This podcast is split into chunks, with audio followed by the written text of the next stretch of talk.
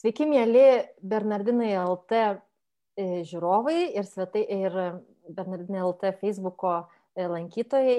Mes jau tradiciškai pradedame mūsų šeštadienio pokalbius ir, ir čia yra trečiasis kalėdinis pokalbis, nes mes dar visi esame kalėdų laikė. Ir labai džiaugiame, labai aš džiaugiuosi, kad prisikalbinau sesę Dominiką e, ateiti į svečius šį, šį vakarą ir su mumis pabendrauti. Kaip visada, mėly žiūrovai, e, transliacija yra gyvai, e, tai jūs galite užduoti savo klausimus ir rašyti komentarus komentarų skiltyje ir mes juos garsinsime garsiai ir, ir jeigu, spė, jeigu galėsime, atsakysime arba bent jau pabandysime atsakyti į tos klausimus. O šiandienos tema, e, kai mes su kolegomis sprendėme, apie ką toliau kalbėti, kažkaip visi prisiminėme mūsų sunku laiką karantiną, e, visi esame namuose ir, ir man atrodo, ne vienas mūsų išgyvename tam tikrą nerimą. E, tai tų išgyvenimų mes kaip paskatinti pagalvojom, gal vertėtų kalbėti apie vidinę ramybę. Jis svarbi ne tik tai karantino metu, bet apskritai mūsų gyvenime ji yra toks, na, toksai e, dalykas, kurį e, tikriausiai dažniau e, apie jį mąstome kaip apie siekėmybę ir, ir išgyvename tos vidinės ramybės toką. Bent jau aš tai tikrai labiau dažniau išgyvenu tos vidinės ramybės toką. Tai, tai mes kažkaip m, mm, pagalvojom, kad pasikalbėkime apie ją, net jeigu jinai yra e, tolima siekėmybė, bet galbūt šitas pokalbis padės bent šiek tiek prie, prie to priartėti. Taigi, tai mano viešne yra e, sesuo dabar e, prieš akis neturiu viso išvardinimo, koks ten yra vienuolynas, ne, ne, nepasėmiau to parašymo, bet aš manau, kad sesė Dominika, mes esame labai senai pažįstamos, tai, tai labai labai džiaugiuosi, ačiū, kad e, sutikais pasikalbėti ir gal papasakok, koks čia vienuolynas yra, iš kokio tu vienuolyno esi ir, ir ką tu veiki. Šiaip. Taigi esu iš Dievo paizdos seserų vienuolyno, kuris yra Panevežio viskupijoje, ir galima sakyti, Panevežė viskupija vienintelis turintis lietuviškas ištakas, nes yra įkurtas Dievo tarnaitės Marijos Rusteikaitės. Ir jinai atvyko 1926 metais į Panevežį, tuomet, kada kūrėsi viskupija ir pamatė daug vargšų ir išgyveno tai, kad Dievas ją kviečia būti gelbstinčių Dievo meilės įrankiu. Tai pirmasis toks statuto patvirtinimas vyskupo Paltaroko įvyko su žodžiais, būti gelbstinčių ir išganingų Dievo meilės įrankių, tai mūsų karščiausias troškimas ir darbuotės esmė. Tai kas buvo duota jai, tai tampa mums siekėmybė. Ir mūsų vienuolino centras yra Panevižy ir Šaknis, o Utenoje jau devinti metai. O pati aš esu bendruomeniai kaip sesuo 20 metų. Ir e, tai Iš ties toks įvyko irgi momentas kaip atsivertimas ir krikštas 17 metų ir, ir buvau pakrikštyta Dominikonų bažnyčioje Vilniuje ir ten augau kartu su jaunimu, tai ten, kur mes ir susipažinom su Toma. Ir 20 metų buvo mano įvilktuvės. Taip pat tai, tai toks mano kelias, o ką aš veikiu, ieškau Dievo. tai Tai gal keistai nuskambės, bet, bet ieškau Dievo. Tai, tai, va, tai mano pagrindinė misija - atrasti Dievą, atrasti Dievą kasdienybėje. Ir, ir ten, ten, kur aš esu, ten ir jis yra pirmiau negu aš. Tai va, ir jį atrasti, atrasti prasme. Ne visada pavyksta, bet taip, tai pagrindinė galbūt, ką aš veikiu. O šiaip tai esu novicijų jaunų seserų ugdytoja Taip pat, kaip pasakyti, esu nuo gruodžio pirmos dvasinė asistentė, dar vis studentė, taip pat mm. dvasinė asistentė Utenos socialiniuose globos namuose. Tai va, ir, ir studentė, studijuoju Katalikų teologijos fakultete naują sritį, kuri praeitais metais prasidėjo, tai pastoracinė teologija su klinikinė specializacija. Tai, mm -hmm. Tai labai džiaugiuosi, kad visada ieškau, kaip nesustoti. Tai džiaugiuosi, kad esu savo rogėse ir esu laiminga. Tai va. Labai gerai, ačiū labai. E, tai mes apie vidinę ramybę kalbam. Kaip tu, e, aš galvau, kaip čia pradėti. Na, ta tema yra labai ir plati, e, tokia galime iš įvairiausių kampų ją pasižiūrėti ir tuo pačiu jinai tokia labai neapčiopiama. Ir, nu, kas ta vidinė radybė, bet vis tik pabandykim apčiuopti. Kaip tu įvardintum, kas tai yra vidinė ramybė? Nu, jeigu taip, gal tai nuskambės šabloniškai ar ne, bet tai man turi gilę prasme. Mhm vidinė ramybė tai visų pirma yra pasitikėjimas Dievu. Ir Vilnius, Dievo gailestingumo sostinė, ne, tai tas pasitikėjimas Dievu, tas santykis nu, gyvas. E, gyvas santykis, kuris suteikia tikrumo. Tai nereiškia, kad nieko nevyksta aplinkui. Tai nereiškia, kad tu esi apsaugotas nuo pavojų, e, nuo krizių, nuo iššūkių, nuo skausmo, nuo lygų ar nuo išbandymų, konfliktų. Ne. Tai, kaip pasakyti, va tas e, gyvas santykis, kuris pagristas pasitikėjimu juo ir suteikia tą, tą vidinę ramybę. Nes e, jeigu to nėra, išoriškai gali būti viskas ramu. Turtingi mhm. žmonės viską turi, viskas saugumas yra ramu, viskas ramu, bet ramybės tai nėra. Ne, širdis nerami, ta neigiama prasme, ar ne? Mhm. Širdis nerami, nes nerami širdis dar yra ir teigiama jos prasme. Ir biblinė jos prasme. Tai va ta nerami širdis, kuri, nu, neranda pilnatvės. Uh mhm. -huh. Ramybė būtent teikia pilnatvę Dieve, net antra pusė nesuteiks tos ramybės. Net galiu pasakyti, pašaukimas ir atsirėdimas į, į pašaukimą momentiškai suteiks ramybę, bet pilnatvės tos ramybės ne, nes, nu, aš šiandien esu sesuo, aš nežinau, kas aš būsiu rytoj.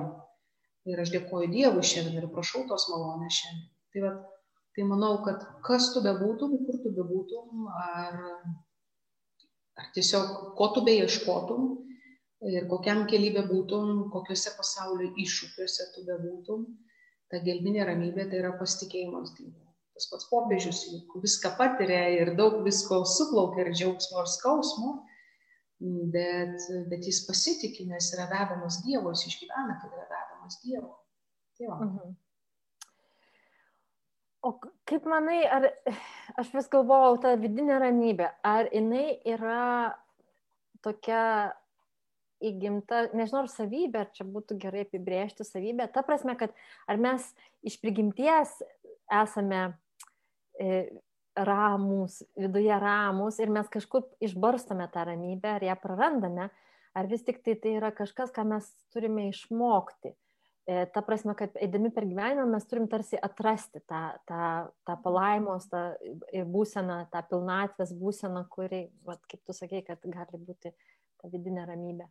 Nu, žinai, e, jeigu taip žiūrėti žmogiškai, tai ir taip ir ne, tai tavo klausimai. Mhm. Ir kažkuria prasme taip, nes nu, vis tiek mes atsinešam susiformavusi charakterį į mhm. santoką, į bendruomenę, ar į kunigystę, kunigų bendruomenę, kaip sakant, ar į seminariją, ar į darbo vietą, darbo bendruomenę, kurioje dirbame, vis tiek mes atsinešame jau tam tikrą bagažą, ar ne tam tikrą bagažą, kurį, kurį išsiugdom ir mums išugdo mūsų šeima.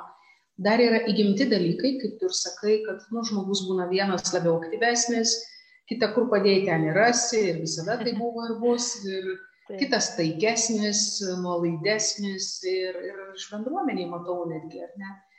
Ir vėlgi gyvenimo iššūkiai, vaikystės aplinkybės, kokios, kokios jos buvo, ypač iki, iki trijų ar šešių metų, daro tam įtaką, ar ne, koks yra mhm. žmogus iš vidaus. Ir, ir, ir iš tikrųjų gali atrodyti kaip uola žmogus iš vidaus, o gal ten tirta kaip lapas, ar ne, ir, ir taip toliau. Tai va, tai dalis taip, dalį mes galime atsinešti, tam tikrą bruožus, charakterį, įgimtus dalykus, kaip mūsų laukėsi netgi mama, mhm. ką jinai išgyveno ir, ir kūdikiai būna taip pat ramus, neramus ir, ir visa kita. Taip. Bet e, kita pusė, kuri yra, tai manau, tame dalyvauja dvi pusės apie tą, tą ramybę, ar jinai atsinešta, ar, ar išsiugdyta. Išsiugdymas vėlgi, jisai vyksta, jeigu mes kalbam dvasiniai plotmiai, tai jisai vyksta bendradarbiavimo. E, dvasiniai plotmiai vyksta bendradarbiavimo su Dievu, kad yra ir dovana, bet taip pat žmogus turi dėti pastangas. Mhm. Pati ramybė savyje jinai nėra tikslas. Jeigu mes laikytume, nu, kaip pasakyti, patį tikslą savyje, nu, tai tada reikėtų gal į budizmą pereiti, dar kažkur tai ir, ir taip toliau, nes būtent pas juos tai yra tas išeiti iš savęs, iš skausmo, iš kūno, kad patirti tą, kaip pasakyti, transo būseną, ramybės būseną, palaimos būseną ir visą kitą. O mhm. mus e, per kryžių e, mes mokomės su Kristumi jame atrasti ramybę. Mm, jame atrasti prasme. Ir dažniausiai žmogus taip pat ramybę atranda, kai atranda prasme, kai prasmina tam tikrus dalykus, kai supranta, kodėl jie vyksta. Ne, ne todėl, kad jie tinksta iš akiračio, bet mhm. kai, kai atranda jų gelmę ir prasme. Tai vėlgi e, ramybė čia šuo šiek tiek loja mūsų, pavydė, kad kažkam tam dėmesį skiriu. Aš irgi taip rūpinuosi, kad nepradėtų loti kitas. Nu, nieko, nu, šeštadienio vakaras, tai va, tai, tai iš tikrųjų galiu pasakyti, kad e, taip pat mes turime ir dirbti ties tuo, bet mhm. ne pats tikslas savyje. Aišku, turi tame dalyvauti ir tame dalyvauja ir psichologija, ir kaip savitvarda ir, ir taip toliau, nes būna tikrai žmonės, kurie labai išgyvena, labai pergyvena, kai turi stoti į viešumą, kai turi kažką imti ir daryti, kai nu, turi nuleisti kažkaip garą, pasportuoti, kažką tai nuveikti, kažkur mintį nukreipti ir taip toliau. O kiti moka tą tėtėjimą visą suvaldyti. Mhm. Ne, pavyzdžiui, šiandien aš į kakavą įsidėjau pusę šaukštelio cukraus, ko niekada beveik dabar nedarau pastaruosius metus. Mm, jaudinas. Tai va. Tai, tai va, tai, tai aš noriu pasakyti, kad bet žmogus turi būti sąmoningas. Ne, žmogus turi būti sąmoningas ir tikėjime, ir savęs pažinime, ir um, tose iššūkiuose, kurie, kurie, kurie jį nutinka, ar ne, ištinka. Mhm. Ir tada ką aš darau su jais. Bet vėlgi, ką noriu pasakyti, ar ne, tai nėra bėgti nuo tikrovės. Nu, tai mhm. nereiškia bėgti nuo realybės. Taip, kūdikėlio Jėzus Teresėlė, ne, tai, tai jis sakė, kad kartais pabėgdavo ar ne iš įtemptų situacijų, ne, kartais. Taip. Kartais turim atsitraukti. Bet tai nėra, kad visada aš turiu pabėgti ten, kur man iššaukia tam tikrus vulkanus, kito buvimas ir, ir, ir visa kita. Mhm. Kalbant apie vidinę ramybę ir bandant jos pasiekti, man, vis, man visą laiką aš esu turiu su tokiu e, klausimu. E, kuo tai skiriasi nuo tokios e, apatijos? Ar, ne, to, nes ga, galima pagalvoti, kad vat, ramybė tai yra, kai tau daugiau nieko nebereikia, kai tu nebelakstai niekur, ramiai sausėdi savo namuose ir, ir tarsi ar labai arti yra va, tokia apatija ir arti labai tinginystė, nes kartais tikrai gali, e, gali sakyti, kad, na, aš iš tikrųjų noriu išlaikyti ramybę, o iš tikrųjų tai tu tiesiog kažką pritingi daryti, kažkur nueiti, e, kažką, e, kažkam padėti, e, kažkur sudalyvauti. Tarsi reikėtų, bet nenoriu drumsti savo ramybės, tai aš lieku kažkur lieku namuose, patogiai įsitaisęs.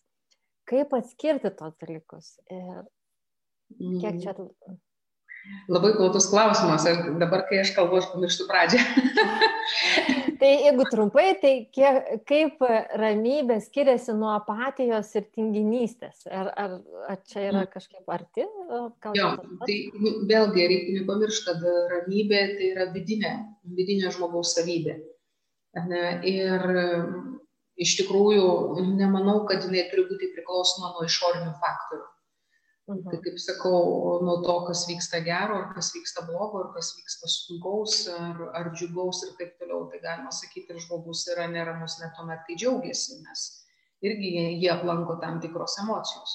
Taip. Tai apatija, tai, nu, kaip pasakyti, tai aš galiu pasakyti irgi dalis depresijos, ar ne, tai, tai žmogus nu, negebantis gyventi tikrovėje, kuris nu, netikintis net savim, netikintis laimė, netikintis gyvenimu, mm, gyvenimo džiaugsmu, gyvenimo grožiu.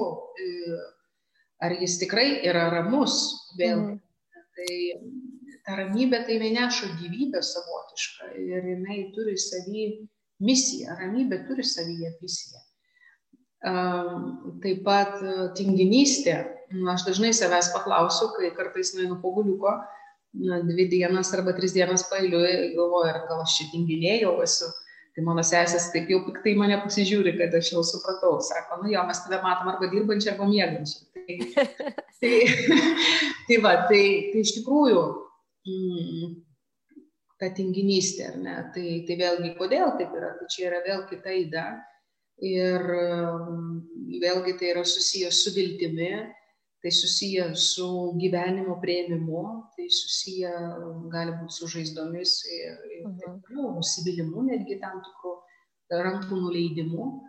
Ne, ramybė vis tik tai nėra išorinis dalykas, tai yra vidinės mūsų, kaip pasakyti, kaip sakiau, santykio pasitikėjimo su Dievu pasiekmė.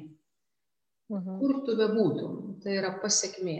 Ir kas be nutiktų, kokios sąlygos, kokios aplinkybės be nutiktų, kokio, kur tu bebūtum, veikloj, darbe, mažą kūdikį augintum, dar kažką. Tai aš, aš su nuostaba žiūriu ir, nu, man vidinės, va, vidinės, gal dabar nusijuoks, bet man vidinės ramybės pavyzdys yra tokia Simona Bačiulienė, mano buvusi kursinė, jinai berots yra penkių ar septynių vaikų mama, septynių atsiprašau, man jinai taip kalba visada, man toks, ramybės švyturys, jinai turbūt nusijuoktų, septynių vaikų mama.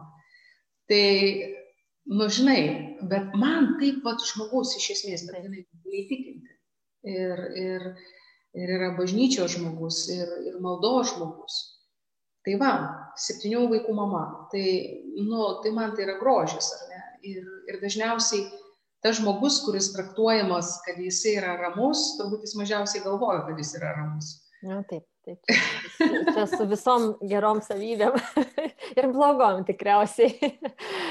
taip, taip, taip. Mano sesės dažnai sako, Dominika, tu va ten, ten, ten eisi viešumą, tu čia va, kalbėjai, tokia atsipalaidavus, visą kitą. O aš taip sakau, o, o aš viduje tai išgyvenau, pergyvenau.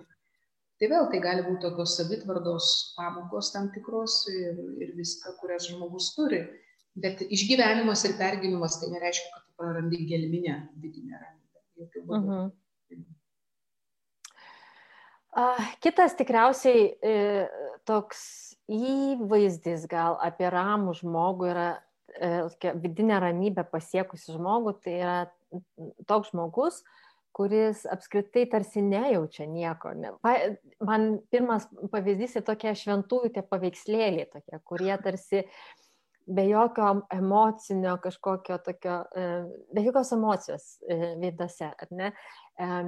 Ir ar taip ir tai yra jau ta ramybės aukštuma, kai žmogus iš tikrųjų, na, jis tarsi visą laiką vienodas, visada vienodas, visada to, visada ramus, visada niekas jo neišmuša iš vėžių.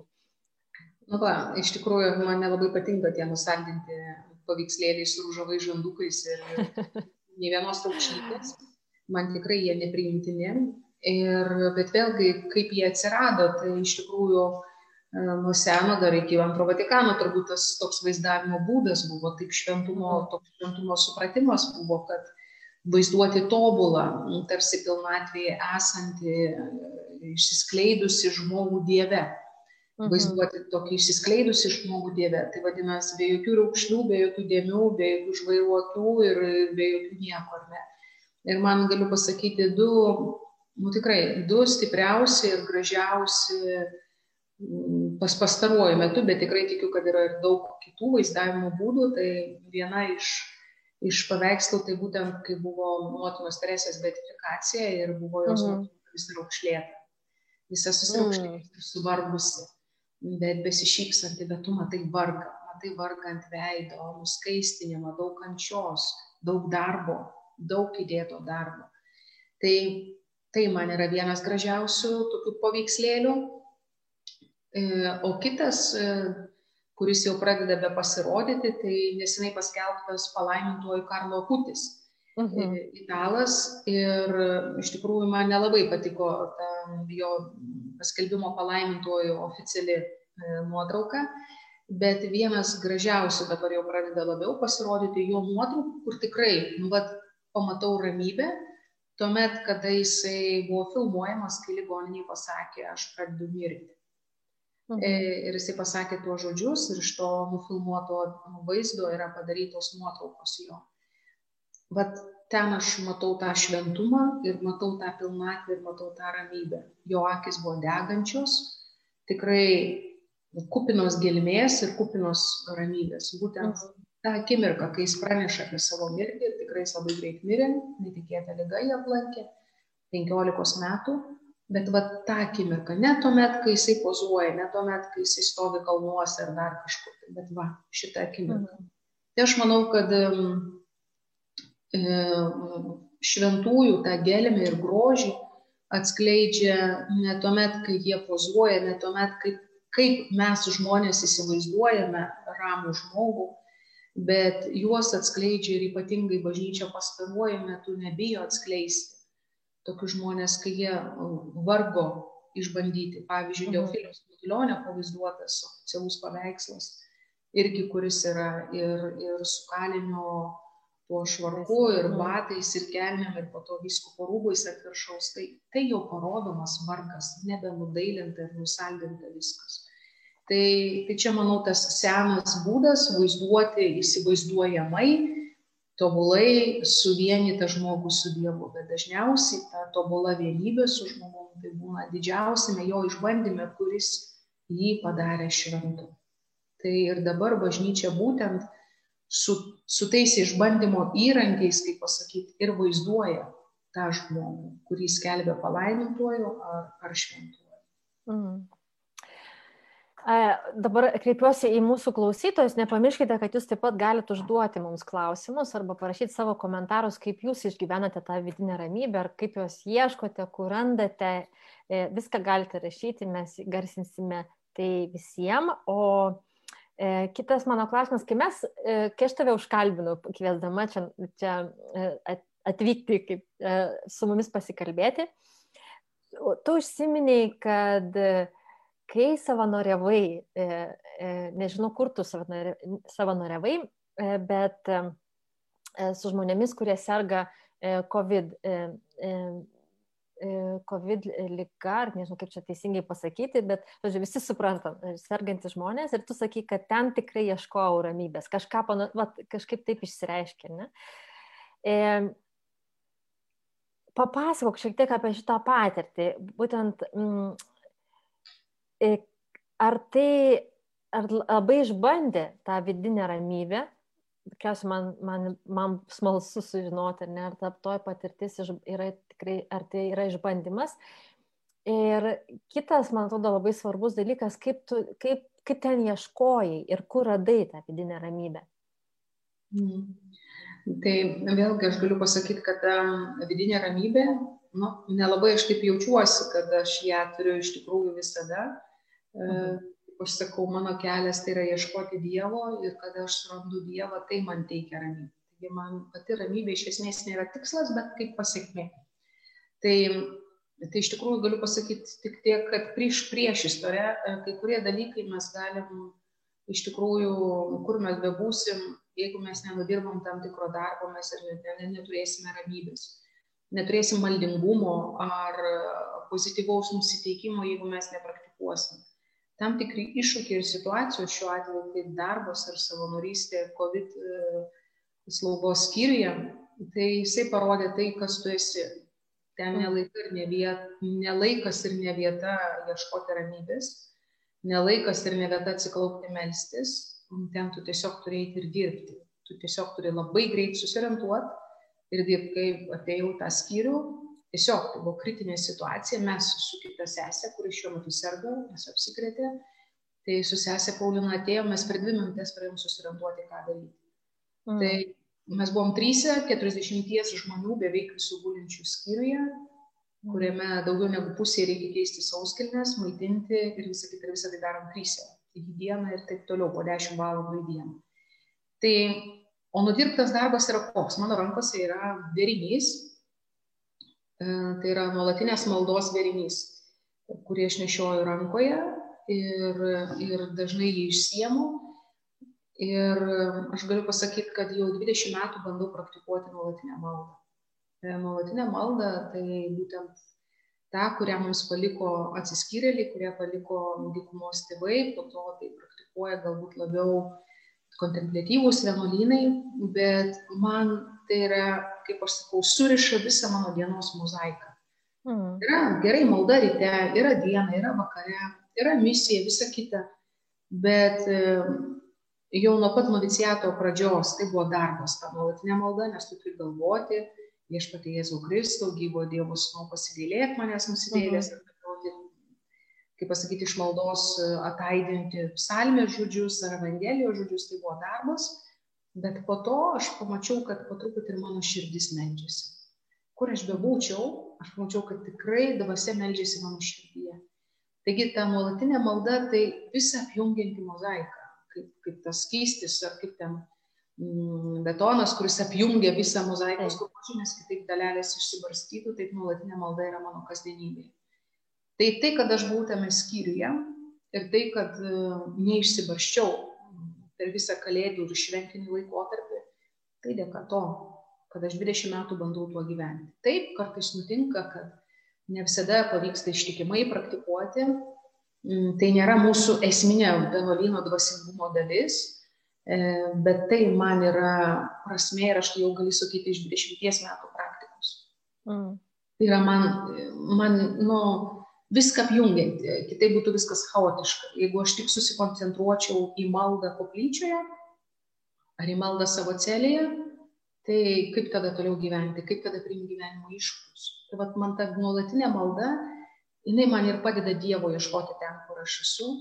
Ir man padeda būti su Dievu ir išgyventi tą vidinę ramybę ir vienybę su juo, net tuomet, kai fiziškai neturiu kaip melstis. Ir tikrai keičiant sauskelnes pusantros valandos neiki maldos, arba pusantros valandos maitinant senelius neiki maldos, ar dvi valandas šveičiant kambarius su chloruotu vandeniu neiki maldos, kai tau varva prakaitai per visą kombinezoną viduje tam reikia maldos, kai tu vėl atsikvėpi ir vėl tas pats maratonas. Ir kai atsiguli vakare su gelinčiam kojom, nutrepsėtum jau per, per 10 valandų, bet tu jauti, kad dvasia meldžiasi tavo viduje. Mhm. Tai, va, tai, bet tam reikia darbo. Tam reikia darbo ir, ir kasdieninio darbo, ir gilintis į tai. Ir dabar, um, kaip noviciato ugdytoja, aš tai noviciato pradžioj pateikiu Sakau taip, seserim jaunom sakau, po to jūs rinkite, žiūrėkite, tai yra jūsų pasirinkimas, bet aš iš patirties galiu pasakyti ir vis tik tie atsiskyrėliai vienuoliai, jie vis tik nemeluoja apie tai, kad jie nugalė ir nuolatinė malda apvalo mintis, mūsų jausmus, mūsų protą, net ir mūsų kūną apvalo nuolatinė malda. Tai yra tai, kuo aš gyvenu, tai, kuo aš bandau gyventi ir tai, kas man padeda priimti iššūkius ir galbūt, kaip pasakyti, išmoko mane šiek tiek sustoti, pagalvoti, nors šiaip aš esu labai, labai, labai aktyvus žmogus, e, bet būtent jinai mane truputėlį pristabdo, nors kai kurios esės mano juoksis, galbūt, kad tai mane dar pristabdo, kas būtų, jeigu nebūtų kas pristabdo. Tai, tai va, tai nuolatinė malda mane pristabdo ir, kaip aš sakau, padeda eiti visur, bet eiti su Dievu ir iš jo ateinančią ramybę. Mm, ačiū labai. Štai Virginija, viena mūsų klausytoja klausė pirmąjį klausimą. Kaip vidinę ramybę išlaikyti lygoje, kančioje, įvairiuose prieštaravimuose? Mhm. Bet tokiuose nepatogiuose ir sunkiuose situacijose. Mhm. Nu vėlgi čia yra priklauso lygoje ir kančioje, kaip išlaikyti vidinę ramybę. Tai priklauso nuo to, koks yra mano Dievo įvaizdis. Ir nuo to, koks yra mano Dievo įvaizdis, aš galiu atrasti prasme toje kančioje ir lygoje. Jeigu mano Dievo įvaizdis yra teisėjas, kuris atlygina ir baudžia, tai tada mano lyga yra kaip pasiekmė, kaip pasakyti, mano tam tikro gyvenimo ir taip toliau. Bet jeigu Dievas yra tas, kuris mane atpirko iš meilės, kuris paukojo savo gyvybę iš meilės, taip jo auka yra tobula, bet aš galiu taip pat atnešti jam skausmą už galbūt save, už savo šeimą, už nusidėlių atsivertimą. Vienas iš jų esu aš ir aš nežinau, kieno dėka aš atsiverčiau. Ir mano viduje yra smalsumas, sakau, jam žinybė, kai nueisi pirmą klausimą, kurį turėsi. Ir dar visi jie turi 23 metus. Tai va, tai, tai galva babytė, kuri lygos patale buvo, arba kuri meldėsi rožinį, mm. meldėsi už nusidėlių atsivertimą. Ir jie tai, va, va tiesiog, va taip išgyveno, be pagrindo, ne? be apčiuopiamo, žemiško pagrindo. Tai va, tai mano Dievo įvaizdis padės man arba atvirkščiai, man kliudis atrasti prasme kančioje. Ir tam gali padėti kaip pasakyt, nuodėmklausys, kunigas, palidėtojas ir taip toliau, kokios kliūtis yra. Ir ne, kad aš nerandu Dievo kančioje, nerandu Dievo skausmuose. Ir, mm. Mm, pavyzdžiui, aš tikrai tikiu, kad tai būna labai sunku netgi jį atrasti. Kunigas e, pasakojo, druskininkų dabartinis klebonas, Kuningas Vaidas sako, ir kaip atrasti prasme, ir kaip atrasti Dievą yra sunku, kai šeima laidoja antrą mažametį vaiką sirgusi nuo vėžio. Ir sako, aš laidų turiu žiūrėti šeimai į akis ir pasakoti apie mylinti Dievą. Tai yra taip pat, nu, tai yra darbas, tai ir pats, pats dvasininkas taip pat turi nudirbti darbą. Ir, ir jame kažkokie virsmai vyksta ir tu turi viltį atnešti Dievo viltį, ne savo viltį bet tu taip pat, tu pirmas turi atrasti tą viltį. Tai ką aš galiu pasakyti, ar ne, kad būna tokių situacijų, kurios, kurios yra, nu, sunku ir paaiškinti, kodėl taip nutinka. Bet koks yra mano tikslas, ar ne? Ar mano tikslas yra tą ramybę atrasti be išorinių jokių trūkdžių, ar būtent ten, kur aš esu. Vėlgi sakau, krikščionybė tai nėra krikščionybė euf, tik euforinė, ar ne? ir ar krikščionybė išlaisvinta nuo išbandymų iššūkių ir taip toliau. Tai būtent ten, kur tu esi, krikščionybė mus kviečia atrasti ramybę, e, atrasti Dievą, ar ne, atrasti daugiau negu ta pati ramybė. Mm. Ir kaip laimė yra pasirinkamas dalykas, taip e, galiu pasakyti ir ta vidinė ramybė, tai yra pasirinkimo dalykas, darbo ir pasirinkimo dalykas, bet nesavitikslis pats savyje. Mm. E, viena klausytoja rašo, kad vien kalbėdama jau skleidžia e, vidinę ramybę, nuramina. Čia apie tave. labai, labai Man ačiū. Reikia tik tu pasakas skaityti. Čia vakarui. Reiks iš, išmokti, jeigu dar karantinas tęsis, tai gal, gal reikės tikrai pasakas skaityti.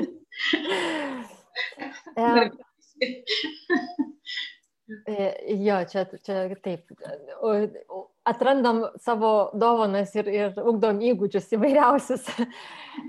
Kalbant apie ramybę, e, tau kalbant, man tokia e, mintis atėjo, kad kai mes įprastai gal, arba na, dažniau sutinkamas toks įsivaizdavimas, kad vidinė ramybė yra tai, kas žmogų ištinka, kai yra tam tikros na, tvarka, tam tikra mm, na taip, tvarka aplinkui, ar ne? Kai aš atsiduriu kažkur ramio aplinkoje, tada tarsi aš esu, e, tampu viduje ramus. Ir, ir tarsi ištink, atsitinka man ta ramybė, jinai tarsi įsiskverbia į mane, ne? Bet klausantis tavęs, atrodo, kad vidinė ramybė yra toksai e, darbas ir darbas labai dažnai susijęs su e, darbas ne dėl to, kad aš esu jau viduje ramus ir aš kažkaip e, kažkokias praktikuoju praktikas, kad tą išlaikytų, bet darbas, kuris gali atrodyti kaip apsimestinis, bent jau pradžioje, ne? Na, aš tarsi ramiai sėdžiu, na, melžiuosi nors viduje, man verda kažkas, ar ne, ir aš noriu lėkti. Ir ilgainiui tai tampa tokiu įpročiu ir tada ilgainiui persmelkia va, tą mano vidų ar aš teisingai mastau, ar, ar, ar taip supratau. Nu, ir taip ir ne. ah. O, matai kaip. tai va, tai e, ką čia reaguoja turbūt į mano juoką per, per daug stiprų. Tai iš tikrųjų, ką galiu pasakyti, e, kad e, ne, tai nėra apsimistinis dalykas. Tiesiog, nu, tu ieškai Dievo Ir tikrai aš galiu pasakyti savo vienuolio gyvenimo pradžioje, aš mažiausiai galvojau apie ramybę, aš ieškau meilės šaltinio, ieškau gelmės. Ir tikrai mano širdis degė tą šventąją dvasę ir dega, ir tai aš galiu sakyti, visus įžadus dariau šventai dvasiai. Tai e, tu degi Dievu. Ir kai tu degi Dievu, tai nu, viskas tavo ateina su juo. Pavyzdžiui, ar su tuktiniams, ar ne. Tai tu negali sakyti, nu gerai, aš mylėsiu jį dėl šitos savybos. Ir man patinka jo šitą savybę, tik dėl to aš jį mylėsiu, tik dėl to aš už jo tekėsiu, tik dėl, dėl to aš turėsiu vaikus. Nu ne, tu, tu, tu trokšti būti vienybėje su tuo asmeniu, mhm. Keliauti per gyvenimą su tuo žmogumi. Ir kai tu su juo keliauji, kai tu atrandi bendrus taškus su juo kartu, tada aplanko ramybė, tada aplanko palaima, tada aplanko stabilumas, tada aplanko tikrumas. Tai galiu lygiai tą patį sakyti ir aš kaip aš vestoju apie santykių su Dievu. Mano tikslas ieškoti Dievo.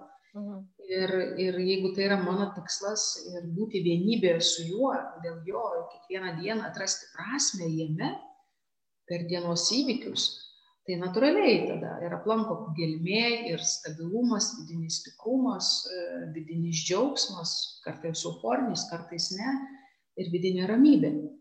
Ne, tai ta pradžia pašvesto gyvenimo taip e, daug visko yra ir tarsi kažką aš palikau seno bet nežinau kas yra naujo tai iš vis toks dualizmas netgi būna tai kas aš esu ir dar ta tapatybė tokia, nu, nėra perkeista mhm. ir, ir tas tik pirminis toks užsidegimas, ar ne. Tai va, tai, tai, tai yra, kaip pasakyti, tai yra kelionė, ar ne. Kelionė, taip, tu turi dirbti, kaip sakoma, jo, jau Jokūbo kelią, kokia laiminga ir viskas, tai buvo darbas, nu, tu turėjai paprakaituoti, kad tuos įspūdžius susirinkti ir, ir tą grožį atrasti, ir prasme kažkokią atrasti ir taip toliau tai aš galiu pasakyti ir maldos gyvenimas arba santykis su Dievu, ko pasiekmė yra ramybė, tai yra ir darbas, ir malonė. Mm. Tai vadinasi, susitinka ir mano žmogiškumas, ir, ir, ir Dievo įsikišimas į mano žmogiškumą, kur aš leidžiu jam ateiti. Ir, ir tai atneša tą, nu, tą, tą, tą ramybę, kaip pasakyti. Ir todėl aš sakau, kad yra ir darbas, bet kartu ir Dievo dovana. Ar ne? Ir, ir bet tai nėra, kad tu čia viską valgysi tik dvasinius šokoladukus ir saldainius. Mm. Tikrai tada tu būsi neužgrūdintas toks. Tikrai ažuolai auga skersvyje, kaip sakant, ir tikrai ažuolai taip užauga.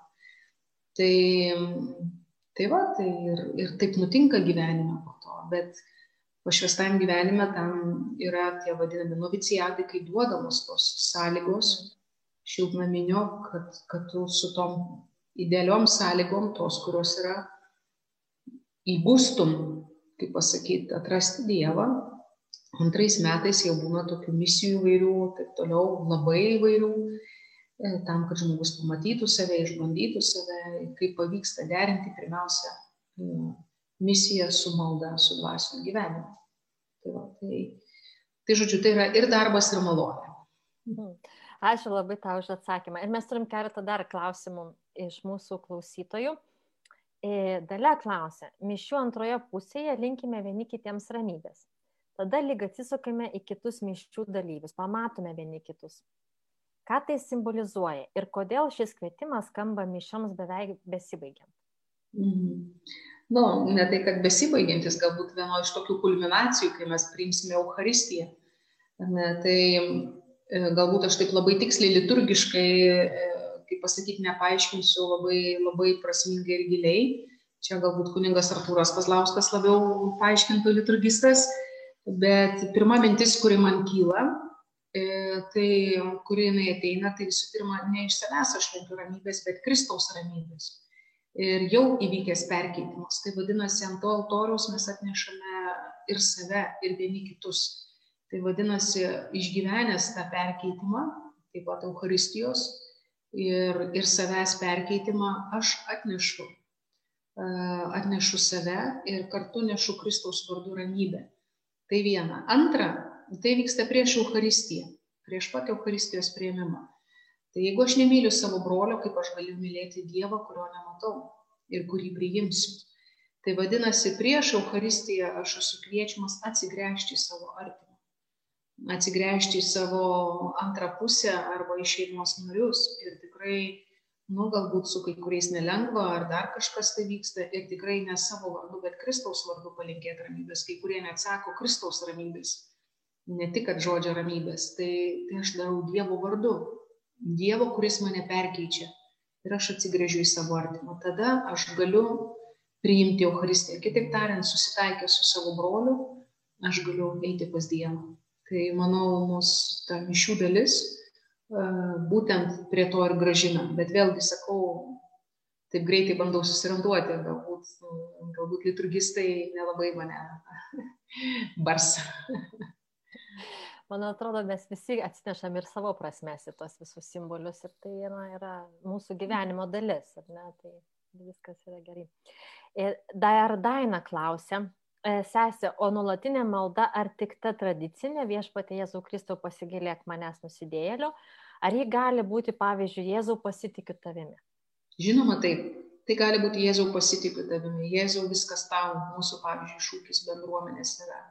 Tai gali būti e, bet kokia šventą rašto ištrauka ar net keli žodžiai, kur aš šiandien galbūt mm. Kai kurie žmonės ryte pabūdė, tiesiog pasiema magnifikat ir pasimeldžia ir tada keliasi iš lovos, kaip sakant. Tai e, galbūt palėtė kažkokie keli žodžiai iš Evangelijos, iš psalmės ir aš tiesiog galiu nešiotis, ne juos tau šlovė ir garbė viešpatė. Ne, gal po kiekvieno įvykio, po kiekvieno susitikimo aš galėsiu ištarti tuos žodžius. Ne, tai, tai gali būti prieš Evangeliją gėdama dažniausiai ta invokacija, kuri mane dažnai paliečia, taip pat paliečianti mūsų širdis, tai gali būti mano maldos esmė, nuolatinės maldos. Tai nėra patys žodžiai. Mhm. E, kaip sakyti, tie žodžiai tiesiog, kad būtent tik tokie žodžiai. Tai nėra tikslas, kaip sakau, visame, kame tikslas yra pats Dievas. Kad tai vestų link Dievo. Tai yra svarbiausia. Tai jeigu tai mane veda link Dievo, tai yra kaip įrankis, tai vadinasi valio. Ir aš pasiemu tuos žodžius, gal tai bus gesmė. Pavyzdžiui, pas mane dienoje yra viena malda, kurią aš medžiuosi, va, kaip viešpatį Jėzų Kristau, gyvo Dievo sūnau, pasigailėk manęs nusidėti. Kai aš atsigulu, aš tiesiog Jėzaus vardą su kvepavimu kartuoju Jėzaus vardą, kur užmiegu. Vieni sako, rožinės geriausiai ramina. Mane tiesiog Jėzaus vardo kartojimas, guliu, tai fu, viskas, persijungia, mm. kažkas persijungia. Labai greitai užmiegu. Tai ne todėl, kad užmigčiau, bet tai yra malda. Tai, mm. Tai mano širdis medžiasi. Mes, e, mano kitas klausimas buvo irgi apie tam tikras praktikas arba, na, kaip atrasti, kaip praktikuoti tą vidinę ramybę, mes jau pradėjome, net, vat, kalbėjome apie, apie tam tikras maldos kartojimą. Um, ko, gal turi dar kažkokių taip patarimų, pasiūlymų, kaip, kaip galima tą vidinę ramybę e, puoselėti. E, tiesiog, kad mūsų pokalbis būtų, na, ne tik kalbėjimas, bet tam tikras ir e, pasiūlymas prak, tam tikrą praktiką, ne, ką, ką išsinešėm iš to pokalbio. tam tikrų receptų vėlgi. Taip, receptų. vėlgi, ką galiu pasakyti, kad, um, nu taip, yra gal kažkokius, aš galiu sakyti tik iš savo patirties, galbūt bendrus. Taip, žinoma tai yra daugiau dvasinio palydėjimo dalykas, nes kiekvienam žmogui tai yra labai individualu ir labai asmeniška, ką jis turėtų apie savo gyvenimą dalinti su palydėtoju, palydėtoju ar nuodėmklausiu. Ir, ir, ir jam, nu, kaip pasakyti, jam patarti arba su juo kalbantis pats atpažinti. Mm. Aš galvoju, kad labai svarbu, kad diena mūsų įgautų, kaip pasakyti, prasmingas stoteles visų pirma. Mm E, tai yra, manau, tas dalykas. Čia žinot, kaip e, kas sportuoja, ar greitą įimą, ar šiaurietišką įimą, ar dviračių, žodžiu, važinėjimą, nesvarbu. Ir kai tu važiuoji, ar eini, ar bėgi tam tikras distancijas, nu, tu pirmiausia turi numatyti stoteles. Mm. Stoteles ir turėti, nu, kažkokius, nu, gal nereikės sustoti, bet čia galiu sustoti. Arba kai keliauja mašina su, su, su, su vaikais ar šeima visa Tai reikia numatyti tas stoteles ir žiūrimos tos stotelės, kur sustoti, atsikvėpti, pasižiūrėti, e, pavalgyti, pasigrožėti ir taip toliau. Tai kalbant apie dvasinį gyvenimą, tai jeigu taip suskirščius visą dieną, tarkime nuo 6 ryto iki 11 vakaro, taip aš gyvenu, tai, tai jinai turi turėti stoteles. Tai mano pirmoji stotelė, tai yra ryto malda, vidinė malda pusė septynių, po to liturginės valandos su sesėm. apjungia nuolatinė malda, tada yra pusė pirmos dieninė, tada kažkuriuo metu yra šventosios mišios, lekcijų divina malda, Dievo žodžio skaitimas ir po to yra vakare adoracija 7 val. ir liturginis. Tai, tai yra va tokios mano dienos stotelės, kurios man leidžia nugrįžti prie šaltinio, mhm. grįžti prie esmės.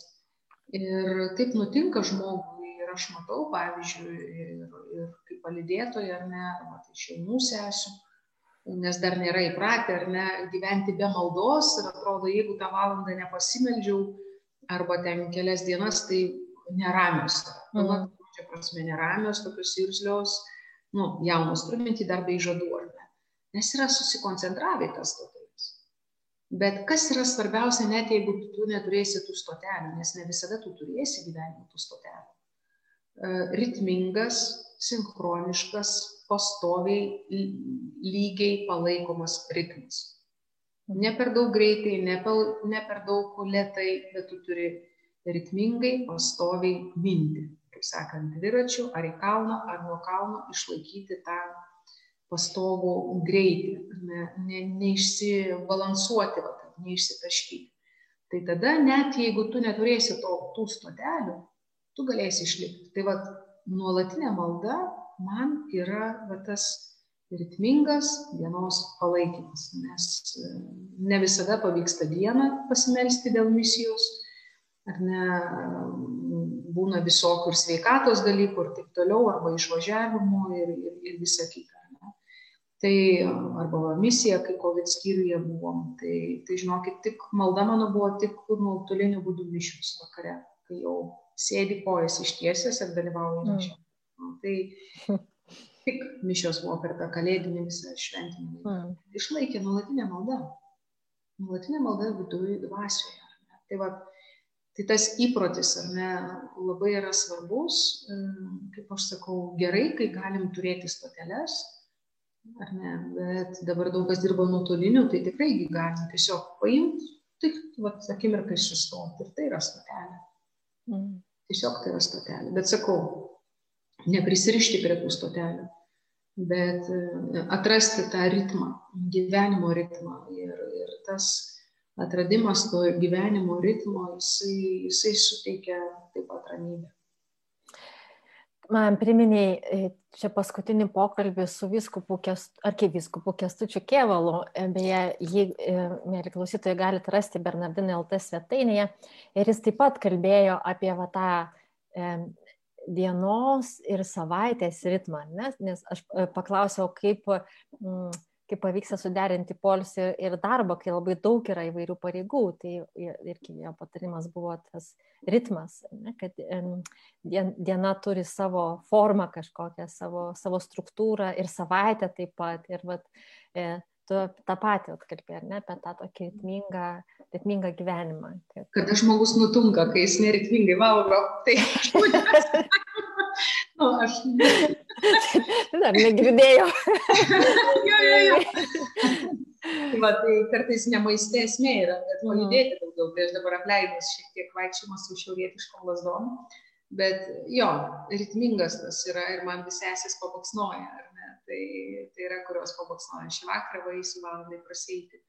Gerai, kad šuo yra, tai bent Bet priverčia pajudėti. Irgi taip pat vienas iš tų tokių ritmingų dalykų, bet tai viskas susiję ir kūnas mūsų, ir psichika susijusi, ir nu, dvasinis gyvenimas su tuo susijęs, su, su, tuo, su tuo ritmingumu, ar ne, ar tai vaikščiojimas, prasėjimas, ar tai kažkoks kitas atsikvėpimas, ar tiesiog gal kavos atsigerimas, žiūrėjimas į saulę, į dangų, į sniegą sningantį, tai, tai irgi dalis to tai turi apimti viską ir šiuo atveju net kalbant apie ramybę nereikia susikoncentruoti tik ties dvasiniu gyvenimu.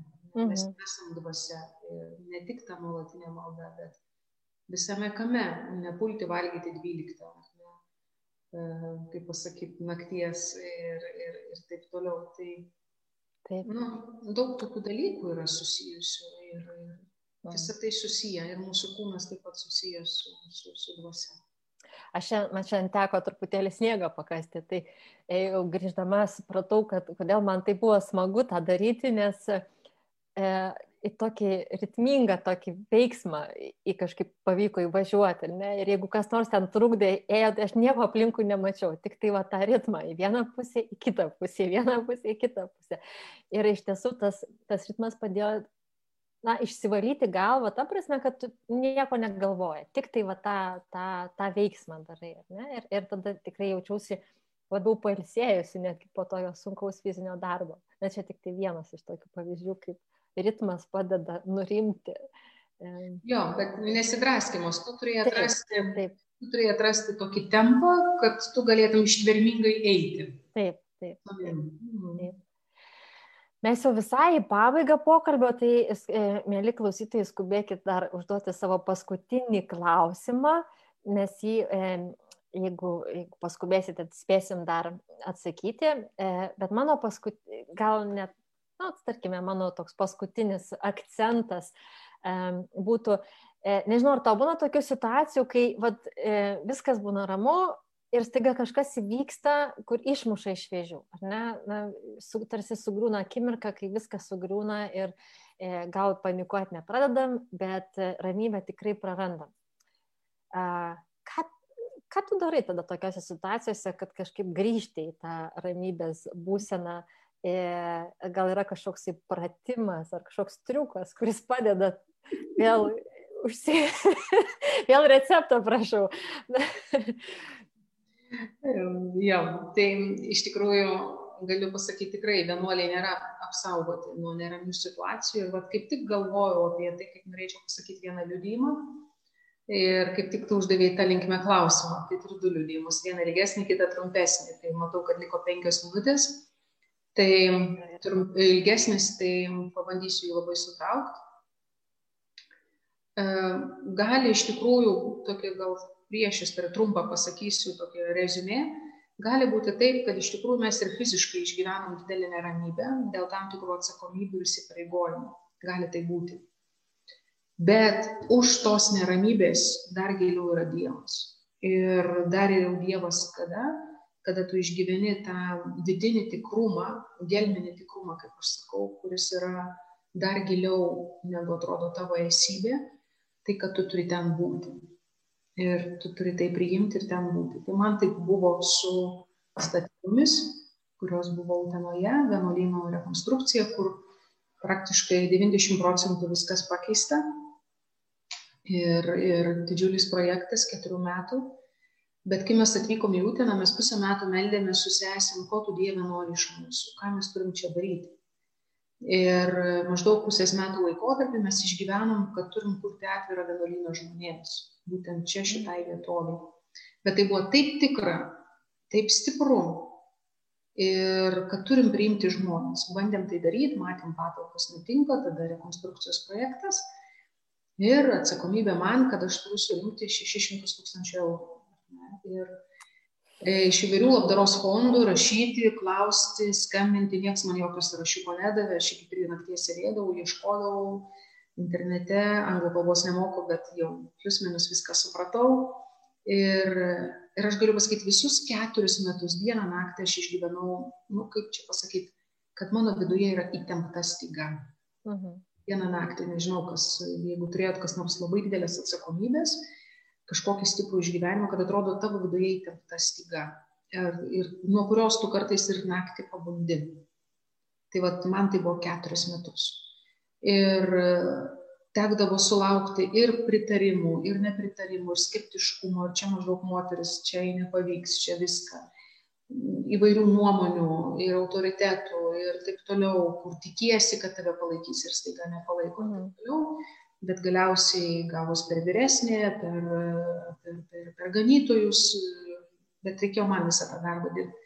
Ir kas galiausiai, net per didžiausius išbandymus, kur, kur, kur aš net nesitikėjau, kad išmuša mane iš vėžių kai kurie autoritetai ir išmušė, bet viduje visada lydėjo, kad aš visko nemečiau, nes buvo tokių momentų viską mesiu. Viduje lydėjo vidinis tikrumas, kad turi būti atviras vienuolynas žmonėms. Nu, bet kurio aš negaliu išplėšti, negaliu nieko padaryti su juo. Ir tokios situacijos, kur, kur tave ir nuvilia, ir gauni su šlapiu skuduru ir viską, bet tu supranti, kad negali, negali visko palikti.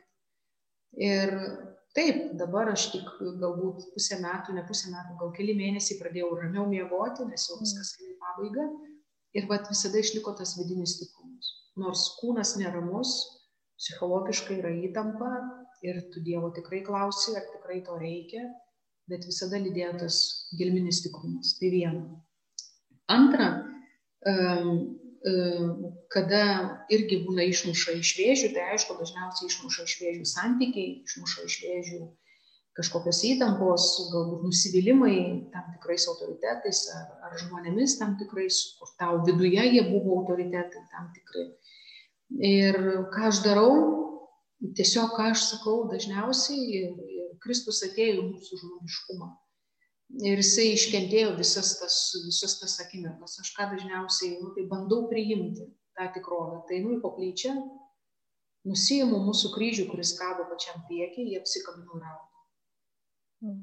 Ir raudu, ir kartais melžiuosi garsiai, o kartais tiesiog žiūriu ir raudu. Ir ties tam tikrą situaciją raudojau pusę metų, gal porą kartų per savaitę. Kodėl taip yra, klausiu, nes nemačiau prasmės ir man viduje po to nuskambėjo to įvykio kontekste, kad tai yra tavo nuolankumai. Ir viskas. Ir man išsirišo viskas. Ir atėjo absoliuti gelminė ramybė, kad ta situacija neteisinga atrodo išoriškai. Man labai sunki, bet man jinai išsirišo ir Dievas davė man atsakymą.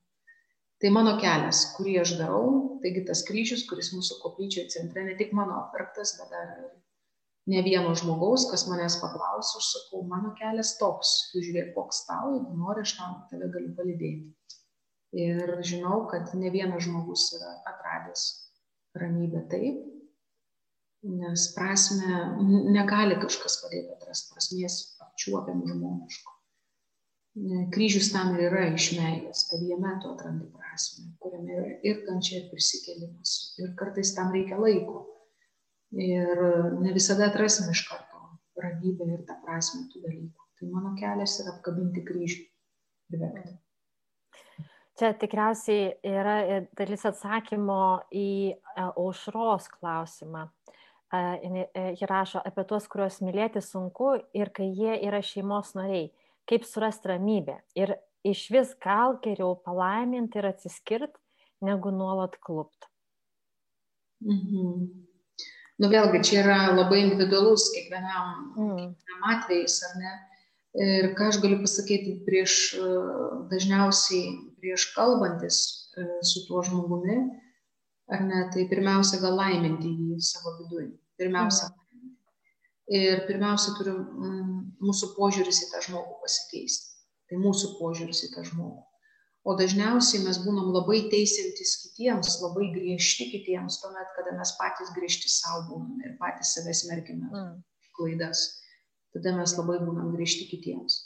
Vėlgi tai yra labai sunku pasakyti, nes kiekvien, kiekvieno labai atvejis unikalus ir individualus ir kontekstas koks ir kokio atveju kontekste čia apie tai eina kalba, apie kokį palikimą eina kalba, tai santoka, ar tai vyras, ar anyta, ar kas tai, na, nu, kaip čia pasakyti, labai abstraktu. Mm. Tai, Bet čia tikriausiai yra, kad e, esa, e, būdami konkrečiai situacijai mums reikėtų ieškoti, na, ne vieną kartą minėjai tą dvasinį palidėtoją, ne, kažkokį žmogų, tai gali būti draugas, namiškis, e, kunigas, e, vat, sesuo, kurie galėtų išklausyti ir toje labai konkrečioje situacijoje pamatyti ją iš šalies ir kažkaip padėti. Ne? Tai, nu, draugas, nu, kaip, ne kiekvienas draugas bus palidėtojas, ar ne? Na, bet, jo draugas, bet jeigu apie draugą eina kalba, tai toks, kuris, nu, kuris manęs neglosto. Ne? Mhm. Pavyzdžiui, aš turiu tokį žmogų, kai man jau dugnų dugnas, aš galiu nuvažiuoti, išsiverkti, e, patilės, e, paklaus, ką aš galiu dėl tavęs padaryti, bet manęs neglosto ne, ir neglostys. Tai, tai nu, kaip pasakyti, kartais reikia, kad paglostytų, ar ne? Ir, ir aš sakau, tu gali tiesiog mane apkabinti, ar ne? tai va, kartais to mums dažniausiai reikia, ar ne? Bet, bet labai yra svarbu, pavyzdžiui, vieną nuodėmklausį aš palikau todėl, kad jisai pradėjo mane guosti, teisinti ir taip toliau. Nors aš kalbėdama jam apie tai, aš suvokiau, kad, nu, negerai tai darau ir tikrai aš klystu, aš tai mhm. suvokiu visą kitą, o jisai pradėjo mane išteisinti ir teisinti ir kalbėti prieš autoritetą. Aš tada viską supratau, mums nepakeliu ir aš daugiau nejau pasišpažinties. Tai... Griežta savo. tai va, tai čia buvo daug metų atgal, man buvo 22. Tai va, tai, tai, tai žodžiu, labai yra svarbu tokiais atvejais, kai mes esame dobėjai, ko mes ieškome. Iš tikrųjų, mm. norim tiesos, norim apkabinimo, kad su mumis kažkas išbūtų, ar mes vis ieškom, kad mus glostytų, čiučiuotų, ir kokia tu vargšelė ir visa kita. Tai aš sakau, ir savo sesėms labai svarbu ieškoti brandžių draugysčių, kur, kur tikrai būtų brandi, laisvinanti, nepririšanti ir kur būtų augimas, ne augimas kartu ir dėgymas to idealo kartu. Mhm. Dar jau tikrai visai pabaigai, net ne klausimai, o e, e, kelios skaitytojos parašė tokias padėkas. Tai Virginija rašo, ačiū sesė Dominikai už vidinę ramybę, klausantis ir atsakymus į, į klausimus. Ir Lina rašo, ačiū sesė Dominika už jūsų išvalgas, gerus naudingus patarimus, kaip derinti maldą ir darbą. Paskutiniu metu jau tikrai pritrūksta laiko maldai ir dėl darbo, ir dėl lygos. Reikia tų stotelių nurimti norisi pusiausviros. Tai puiku, kad iš tiesų, na, radot tokią kažkokią atgarsį šitame pokalbėje ir, iš, ir viliuosi, kad išsinešite tam tikras, na, išvalgas ar patarimus ar receptus, nes keletą nuskambėjo ir net tas labai, labai naudinga iš tiesų yra išbandyti ir dalintis patirtim. Tai e, ačiū labai Domininka, kad sutikai, kalbėjai, dalinaisi savo gyvenimu ir savimi e, šitą valandą. Ir, mėly klausytojai, mes e, bent jau karantino metu šitos pokalbės šeštadienio vakarais tęsim, nes manom, kad na, yra prasminga e, trumpam susėsti ir pasikalbėti kažkokiam aktualiom ir svarbiom temam, nebūtinai tom, kurios yra na, daugiausia aptariamos žiniasklaidoje, bet tiesiog tomis temomis, kurios padėtų mums išgyventi šitą laiką. E, tai vad vidinė ramybė yra viena iš tokių temų. Tai labai labai viliuosi, kad kažkuo prisidėjome e, palengventi šį, bent jau šį vakarą. Ir sakau, iki, a, dar ačiū Dominika ir, ir e, linkėjimai šuniui ir sesėm, visom, visom sesėm, kad išleido tave su, su pasikalbėti su mumis ir gero pasivaikščiojimo tau, o mėly klausytojai, iki kitų susitikimų e, ir iki kitų skaitimų, žiūrėjimų ir klausimų Bernardinai LT svetainėje. Su Dievu.